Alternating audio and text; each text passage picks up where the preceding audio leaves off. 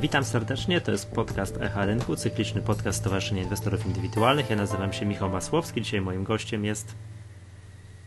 Maciej Samsik, tak. Gazeta Wyborcza.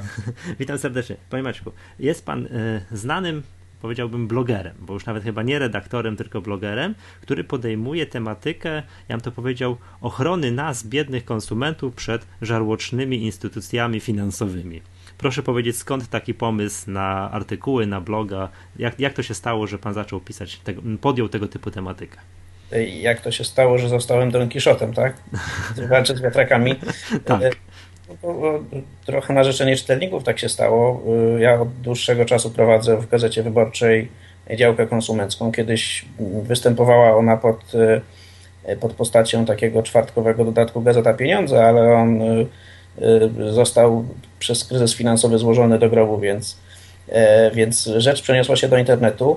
E, dodatku już nie ma, ale y, kontaktów z czytelnikami było bardzo dużo i stąd pomysł na uruchomienie y, blogu takiego interwencyjnego i pokazującego e, no i dobre i złe strony bankowości, ale pewnie więcej jest tych złych, bo, bo, też i ludzie y, zwykle piszą do mnie wtedy, kiedy są niezadowoleni, a nie wtedy. No ale o, o, o, czymś, o czymś tu pisać, jak wszystko jest dobrze, tak? Poza tym to mam wrażenie, dziennikarzy nie interesuje. I to już taki komentarz, że to chyba dobrze ta działalność przeniosła się do internetu, bo y, wkładkę w gazecie troszkę ciężko komentować. To prawda, tak. I to, to y, internet bardzo służy, bardzo dobrze służy takiej interakcji z czytelnikami. Mam wrażenie, że coraz lepiej znam tych ludzi, którzy mnie czytają i, i, no i dzięki temu pewnie tych tematów jest znacznie więcej niż byłoby, gdyby rzecz ukazywała się w papierze. Dobrze, a to jaką głównie tematykę pan podejmuje? To yy, kiedy? Czy wówczas, kiedy jak zrozpaczony czytelnik pisze, że oto, nie wiem, koszty kredytu wzrosły mu trzykrotnie? Czy, jak, jak to się dzieje? Jak pan znajduje tematy na kolejne wpisy? No, są, są, trzy grupy tematów tak naprawdę i trzy grupy wpisów. Pierwsza, pierwsza grupa to są e, po prostu ciekawostki z rynku bankowego, jeśli jakiś bank wprowadza nowinkę E, albo technologiczną, albo po prostu jakąś nowość w ofercie, to biorę ją na tapetę i sprawdzam, czy to jest dobre, czy to jest złe, czy tam są jakieś kruczki, e, gwiazdki, niedopowiedzenia, czy też wszystko jest e, fair i czy mogę z czystym sumieniem taki produkt moim czytelnikom polecić. Mhm. Druga rzecz to jest, to są takie klasyczne interwencje, to znaczy jeśli przychodzi do mnie jakiś list albo częściej jest to kilka listów na jakiś temat, E, konkretny, to biorę się za, e, za sprawdzanie, czy bank w sposób nie fair rzeczywiście obchodzi się z klientami, czy też może po prostu ich nie doinformował, czy, czy też, co też się e, niestety zdarza, po prostu nastąpiło jakieś nieporozumienie, to znaczy bank w sposób no, domyślny uznał, że klient, czy klienci zostali o czymś poinformowani, na przykład o wzroście jakiejś prowizji, klienci doszli do wniosku, że jednak o tym zostali powiadomieni w sposób niewłaściwy. No i, i, i, i staram się te, te konflikty rozstrzygać. Na przykład e, ostatnio zajmowałem się taką sprawą, czy jeden z banków w sposób wystarczający informuje o podwyżkach prowizji, umieszczając je w swoim, takie komunikaty w swoim serwisie internetowym, czy też to nie wystarczy, bo część klientów zagląda do tego serwisu rzadko, a jeśli już wchodzi do e, serwisu bankowości elektronicznej, no to nie po to, żeby czytać komunikaty, tylko po to, żeby przelew zrobić. A to jest, no ja się to akurat się zgadzam, bo to jest tak, jak jest obniżka prowizji, to jest wyraźnie napisane. Obniżyliśmy prowizję za używanie kart płatniczych. A jak jest podwyżka prowizji, to jest yy, nastąpiła Zmian. zmiana w tabeli opłat i prowizji. I szukaj sobie użytkowniku tej zmiany. Tak, tak. No i, i często tak bywa, że banki te zmiany umieszczają w, w taki sposób, żeby klient y, no tak na pierwszy rzut oka jej nie znalazł. Jak się postara i poszuka, to znajdzie i, i, i, rzeczywiście bank może powiedzieć, że poinformował, ale, ale tak naprawdę to nie jest łatwo taką zmianę znaleźć. A proszę powiedzieć mi, czy po Pana, no, no powiedziałem tak, no, wpisie interwencji, czy zdarzyło się, że banki przychodzą, mówią, oj przepraszamy, przepraszamy, drodzy, drogi konsumencie, no tak, faktycznie, no i nie wiem, zwracają klientowi jakieś prowizje, opłaty, obniżają marże kredytu i tak dalej. E, tak, to się zdarza, to jest dosyć e, częsta i myślę, że, że gdybym zrobił jakieś statystyki, to by, by, by, by z nich wyszło, że coraz częstsza funkcja e, tego blogu. Mianowicie to jest nie, nie tylko rzecz opiniotwórcza, ale zmieniająca świat, mówiąc górnolotnie. Jak Steve Jobs. Oczywiście nie, tak, tak. jak Steve Jobs, że urodziłem się po to, żeby zmieniać świat. tak, prawie. Prawie, co oczywiście no, tym się różni od Steve'a Jobsa, że nie jest to wyłącznie moja zasługa, co, co moich czytelników, bo banki dlatego liczą się z tym miejscem w internecie, e, że ma ono bardzo dużo czytelników. Tu wchodzi miesięcznie około pół miliona ludzi, e, no, kilka, kilkanaście tysięcy osób dziennie, więc e, to nie jest grupa, którą można zlekceważyć. Jeśli w tym miejscu w internecie pojawia się jakiś sygnał, że coś jest nie tak, że klienci są niezadowoleni, to banki bardzo często na to reagują. Jasne. A proszę powiedzieć mi taką rzecz, bo ja tak obserwuję tak, i, i pana działalność, powiedziałbym, interwencyjną i jakby tutaj no, praktyki banków, no przede wszystkim banków, bo tutaj o nich rozmawiamy. Mm, I mam takie podejrzenie, proszę powiedzieć taką rzecz, skąd się bierze to, że klienci tak często dają się no, nabierać na różnego rodzaju sztuczki socjotechniczne stosowane przez banki, mm, no i później no, sami są sobie winni, można powiedzieć, tak, że nagle przychodzi do płacenia jakiejś prowizji, odsetek od, marsz, od kredytu, nagle się okazuje, że to jest bardzo dużo. Skąd to się w ogóle bierze? E, po pierwsze, bierze się to stąd, że banki są w tej działalności, jak pan to określił, socjotechnicznej bardzo dobre. To znaczy, tam pracują najlepsi specjaliści, specjaliści od tych spraw e, i rzeczywiście no, banki mają ogromne pieniądze i są skłonne przeznaczyć ogromne pieniądze na to, żeby e, przedstawiać się w jak najlepszym świetle i także swoją ofertę. I także rzeczywiście po drugiej stronie jest, mówiąc w cudzysłowie, przeciwnik mhm. E, najwyższej klasy. To jest jedna rzecz. A, a, druga sprawa to jest taka, że jednak pokutuje w nas cały czas przekonanie, że ten człowiek po drugiej stronie, ten, który siedzi E, przy okienku e, e, bankowym, czy też ten, który jest po drugiej stronie telefonu, to jest człowiek, któremu zależy wyłącznie na tym, żeby nam, klientom, było dobrze. Bardzo do, często piszą, to piszą do mnie ludzie, ludzie z, z taką pretensją i z takim rozczarowaniem, że no jak to, zostałem wrobiony, coś mi wciśnięto, a przecież bank to jest instytucja zaufania publicznego. No trochę tak występuje w nas takie głębokie przekonanie, że z faktu, że jest to instytucja zaufania publicznego, automatycznie wynika to, że tam siedzą sami dobrzy ludzie, że oni nie mają żadnych planów sprzedażowych do wyrobienia, że oni nie mają obowiązku, żeby nam y, wcisnąć coś, co nas będzie drogo kosztowało. Y, jednak bardzo duża liczba osób, która, które no, miały ostatnio złe doświadczenia z bankami, wcześniej uważały te banki za, czy pracowników tych banków za, za swoich prywatnych doradców finansowych. Mhm. A to oczywiście tak nie jest i pewnie nigdy nie było, ale im, im trudniejsza jest sytuacja na rynku, tym bardziej banki odchodzą od tego bycia przyjacielem klienta. Oczywiście nie odchodzą werbalnie, bo jeśli spojrzymy na kampanie reklamowe czy na hasła reklamowe banków, to tam jest coraz więcej o budowaniu relacji, długoterminowych e, kontaktów z, z, z klientami, ale jednak faktycznie biznes jest biznes. Y, trzeba na tym kliencie coraz więcej zarabiać, bo kończą się takie proste rezerwy, to znaczy banki już nie rosną, dlatego że e, przychodzą do nich cały czas nowi klienci, bo tych klientów w zasadzie ci, którzy mieli mieć konto, już je mają. E, banki zarabiają coraz więcej, dlatego że mm, mm, znajdują coraz lepsze sposoby na to, żeby no, one to nazywają uproduktawiać, ale tak naprawdę ubierać nas w coraz większą liczbę różnych E, produktów finansowych. Które wczoraj Czasami... nam nie były potrzebne, a dzisiaj są nam niezbędne.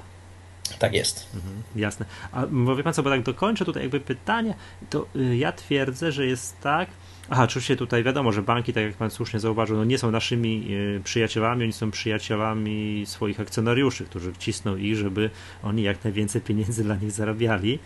Mm, I dokończę pytanie, że ja twierdzę, że te jakby nie wiem, poziom skomplikowalności umów, które przedstawiają nam czy to banki, czy towarzystwa funduszy inwestycyjnych, czy jakieś, yy, powszechne, jakieś zakłady ubezpieczeń, są celowo tak robione. One nie muszą być tak skomplikowane, ale są celowo tak komplikowane, żeby, żeby czasem przeciętny konsument usług finansowych nie zrozumiał ich na pierwszy rzut oka. No to jest dosyć ciężki zarzut, przyznam szczerze, i pewnie w jakiejś w przypadku niektórych instytucji finansowych rzeczywiście dałoby się go obronić, bo, bo znam przypadki bardzo skomplikowanych produktów finansowych, które są y, tak naprawdę sprzedawane wyłącznie y, dlatego, że nikt ich nie rozumie, bo gdyby każdy zrozumiał o co w nich chodzi, to by w życiu nic takiego nie kupił.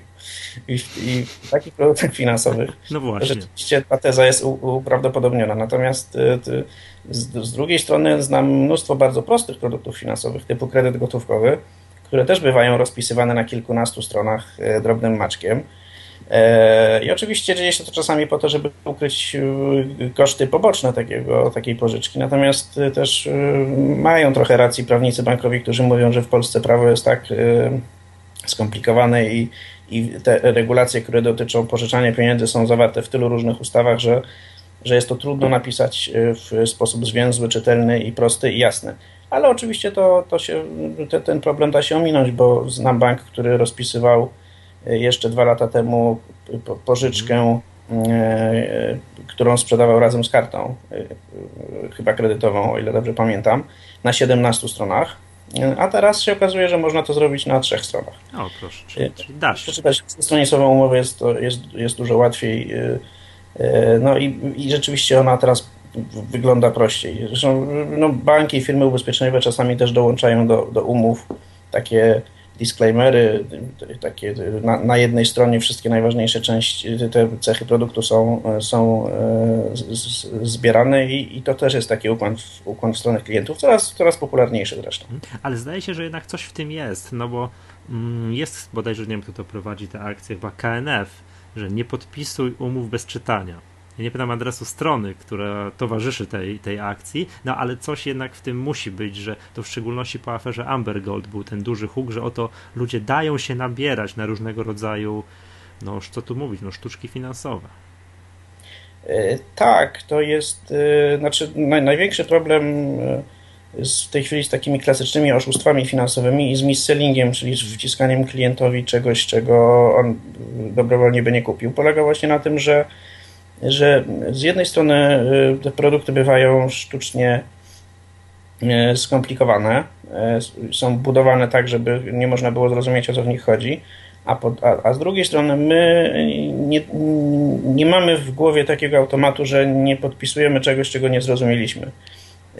Nie wiem, jakiś czas temu była taka były badania, zdaje się, że, że e, pod egidą Urzędu Ochrony Konkurencji i Konsumentów i z, z, tych badań wynikło, że bodaj połowa ludzi jest skłonna podpisać umowę dotyczącą pożyczenia pieniędzy, nie przeczytawszy jej od A do Z. No i to jest, e, no dopóki, dopóki nas będzie taka grupa tych osób, które czytają, które podpisują nie czytając, albo podpisują nie rozumiejąc, no to banki będą na tym e, zarabiały pieniądze i będą instytucje finansowe, które będą chciały na tym żerować. Nie, no właśnie, bo tu próbuję pan wciągnąć, ale to chyba jednak mam wrażenie, że wina jest po naszej stronie. Znaczy wiadomo, banki tak, no bankami, bo tak jak pan powiedział, pracują tam najwyższej klasy specjaliści od, od, tego, żeby nam sprzedać produkt, którego tak naprawdę nie potrzebujemy, a z drugiej strony to my sami chyba troszeczkę no nie wiem, czy jest nam wstyd, siadamy przed tą panią w, okien, w okienku, ona podsuwa 17-stronicową umowę, to nam trochę, hmm, no nie rozumiem. I nie mamy tak. tego odruchu, że ja nie rozumiem, to wstaję, wychodzę, tylko wstyd nam się przyznać, że nie rozumiem, no i jednak robimy mądrą minę do, do złej gry i podpisujemy. E, tak, to jest prawda. Rzeczywiście głupio nam się jest przyznać, że my nie rozumiemy, bo z reguły nie wiemy, że ten człowiek po drugiej stronie też nie rozumie. No tak, jak się przyznam, e... że nie rozumiem, znaczy, że głupi jestem, no to nikt niechętnie się nie przyznaje do tego, że jest głupi. Oczywiście, że tak. Też trzeba powiedzieć, że ludzie, którzy w bankach sprzedają skomplikowane produkty finansowe, też przeważnie, jak się im zada, ja czasami bywam w bankach i, i robię takie, jak to się mówi, testy łosia. I, A to nie rozpoznają pana? Że jak wchodzi Maciej Samcik, to nagle jest ojojoj i przesyłają najlepszego specjalistę z zaplecza. Nie, nie, na szczęście jeszcze aż tak mm, moja twarz nie jest znana, a poza tym zawsze jest opcja przyklejenia wąsów.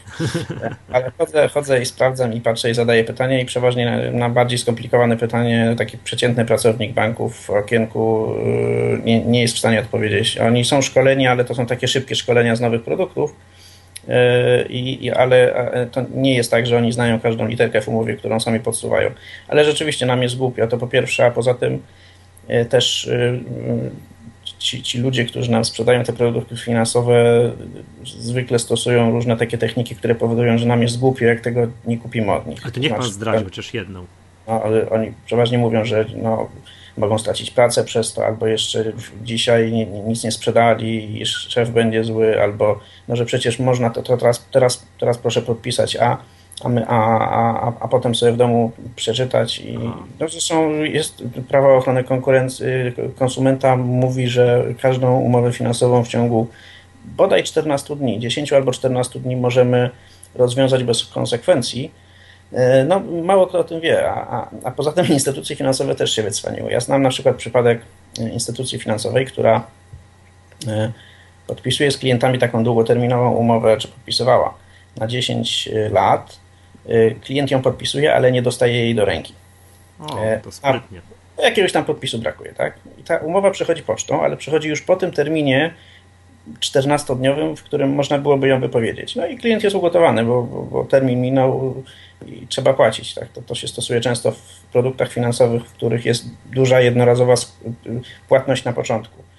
E, więc klient już zainwestował pieniądze, nie może się z tego wycofać, bo termin minął no, jest to bardzo sprytny e, pomysł. Nie dawać się nabrać na takie to też coś. jest nasza wina, tak? Bo tak. Nie, nie, powinniśmy podpisywać niczego, czego nam nie dadzą do ręki. Jasne, gdzieś tam tak. do, do sejfu i przyjdzie za jakiś czas. Dobrze, proszę powiedzieć mi, dlaczego my jako Polacy daliśmy się nabrać na aferę Amber Gold? Znaczy na aferę to się, no, a, tak, no do, dokładnie. Dlaczego zostaliśmy wystrychnięci na dudka w aferze Amber Gold?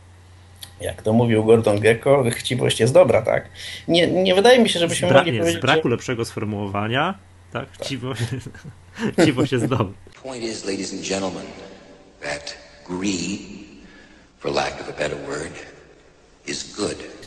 Tak, no pewnie obiektywnie no, nie jest najgorsza, ponieważ gdyby jej nie było, to cywilizacja byłaby w nieco innym miejscu. Tak? To, to chciwość nas popycha do innowacji, więc coś w tym jest.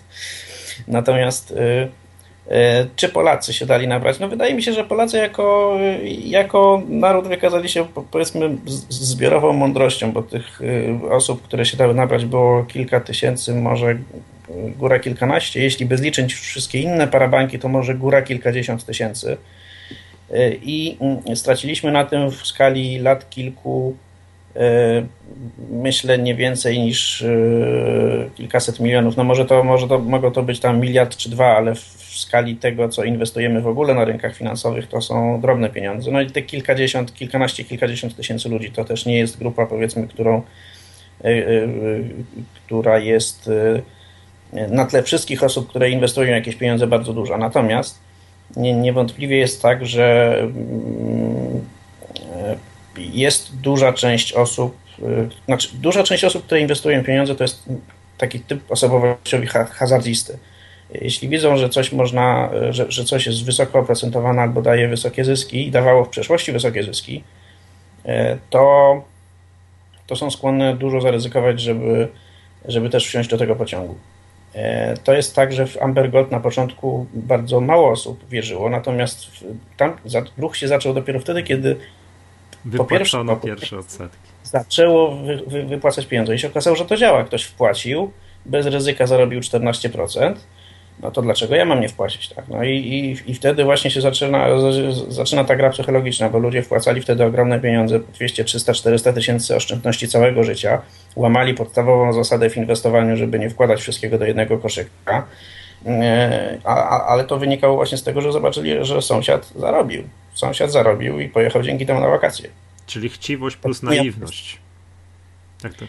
Tak, naiwność z jednej strony i z drugiej strony taka chciwość, ale źle pojęta, która, która zaciemnia e, takie logiczne i rozsądne spojrzenie, że e, no bo rzeczywiście było tak, że, że tam obiecywano zyski bez ryzyka i, i no, ryzyko to jest coś, co e, co mniej dla, coś, co jest dla mniej doświadczonych inwestorów jakimś takim strasznym demonem, że tego się nie da okiełznać, tego się trzeba bać, przed tym trzeba uciekać.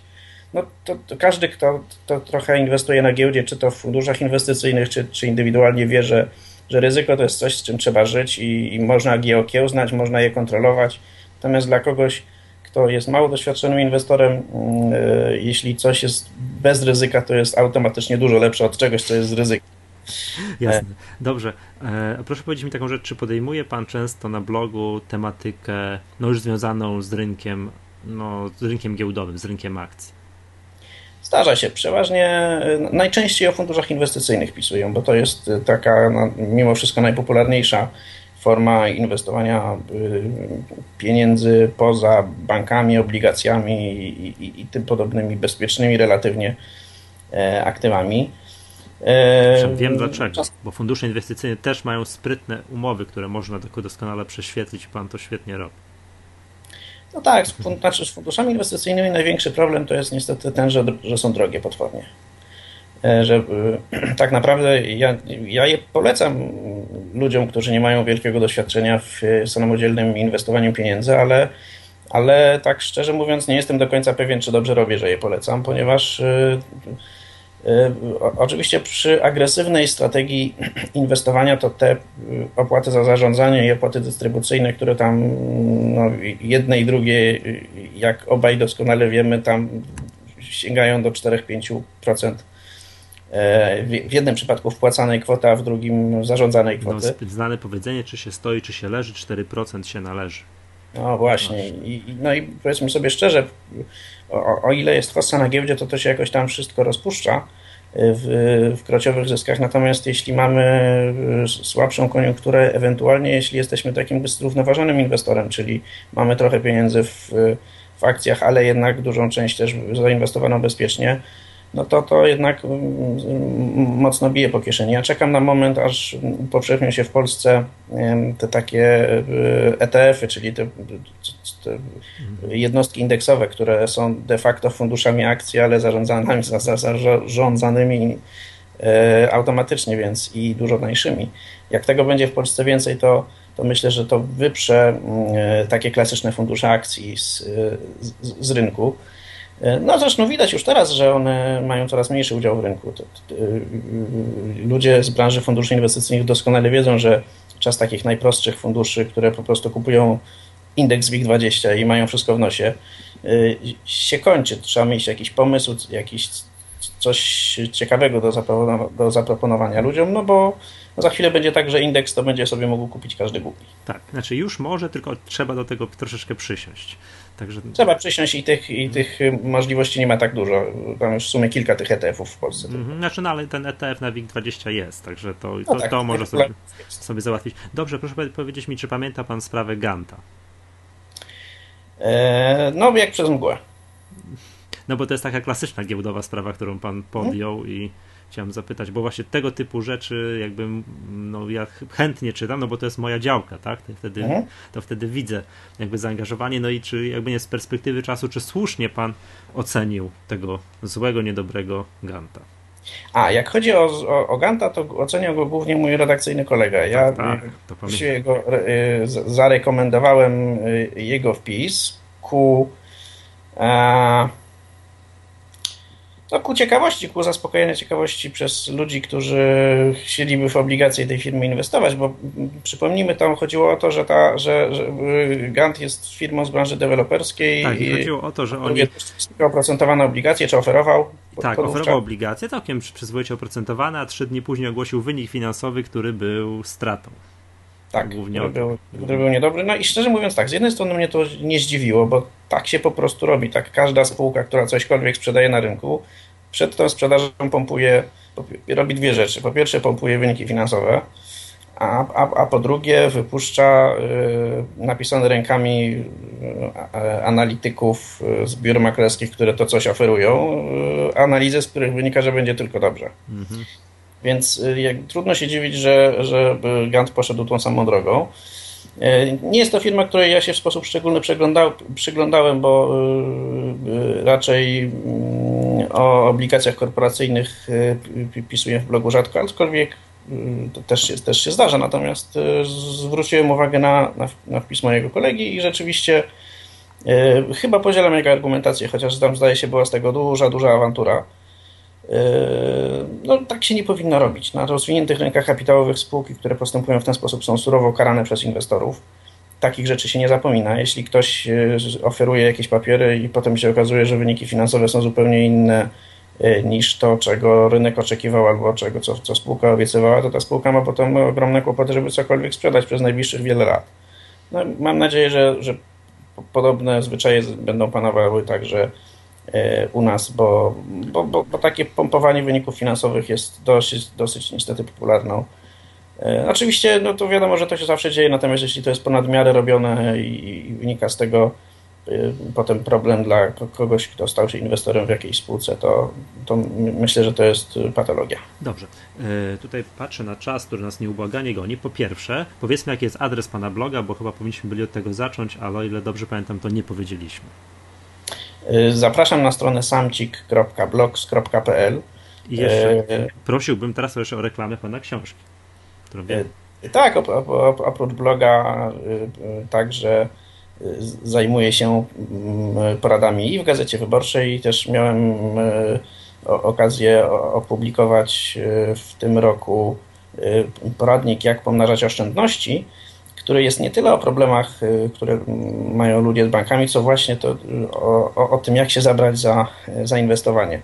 Wielu z nas mm, ma jakieś zaskórniaki, albo wie, że mogłaby mieć jakieś zaskórniaki, ale kompletnie nie wie, jak się zabrać za inwestowanie. Przychodzą do nich jacyś ludzie, którzy oferują jakieś polisy ubezpieczeniowe z opcją inwestycyjną, jacyś doradcy finansowi mm, się pałętają e, i, i, i coś by chcieli sprzedać.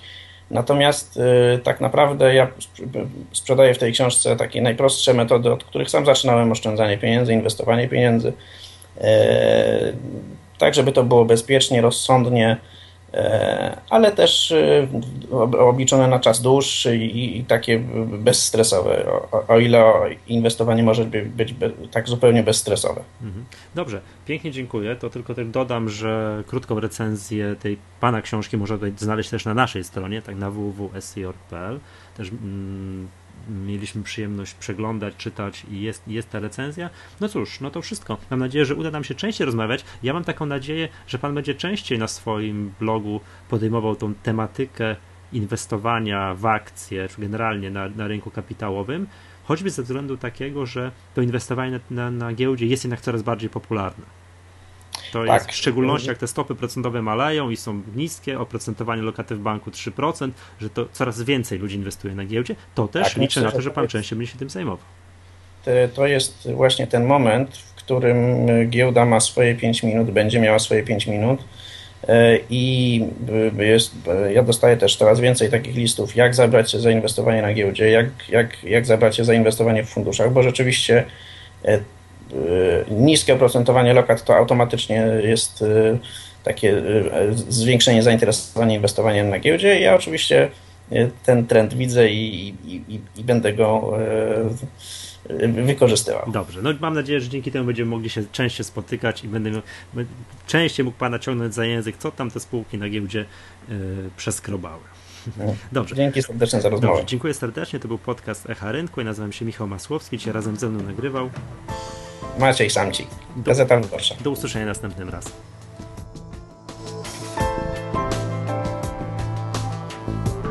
Dobrze, dobrze, dobrze. Kiedyś pamiętam, nagrywałem z kimś pół godziny, po czym zorientowałem się, że nie, nie włączyłem nagrywania. To... A tak, ludzie z telewizji też czasami tak mają. Tak? Też jak pan. Zapominają włączyć kamerę.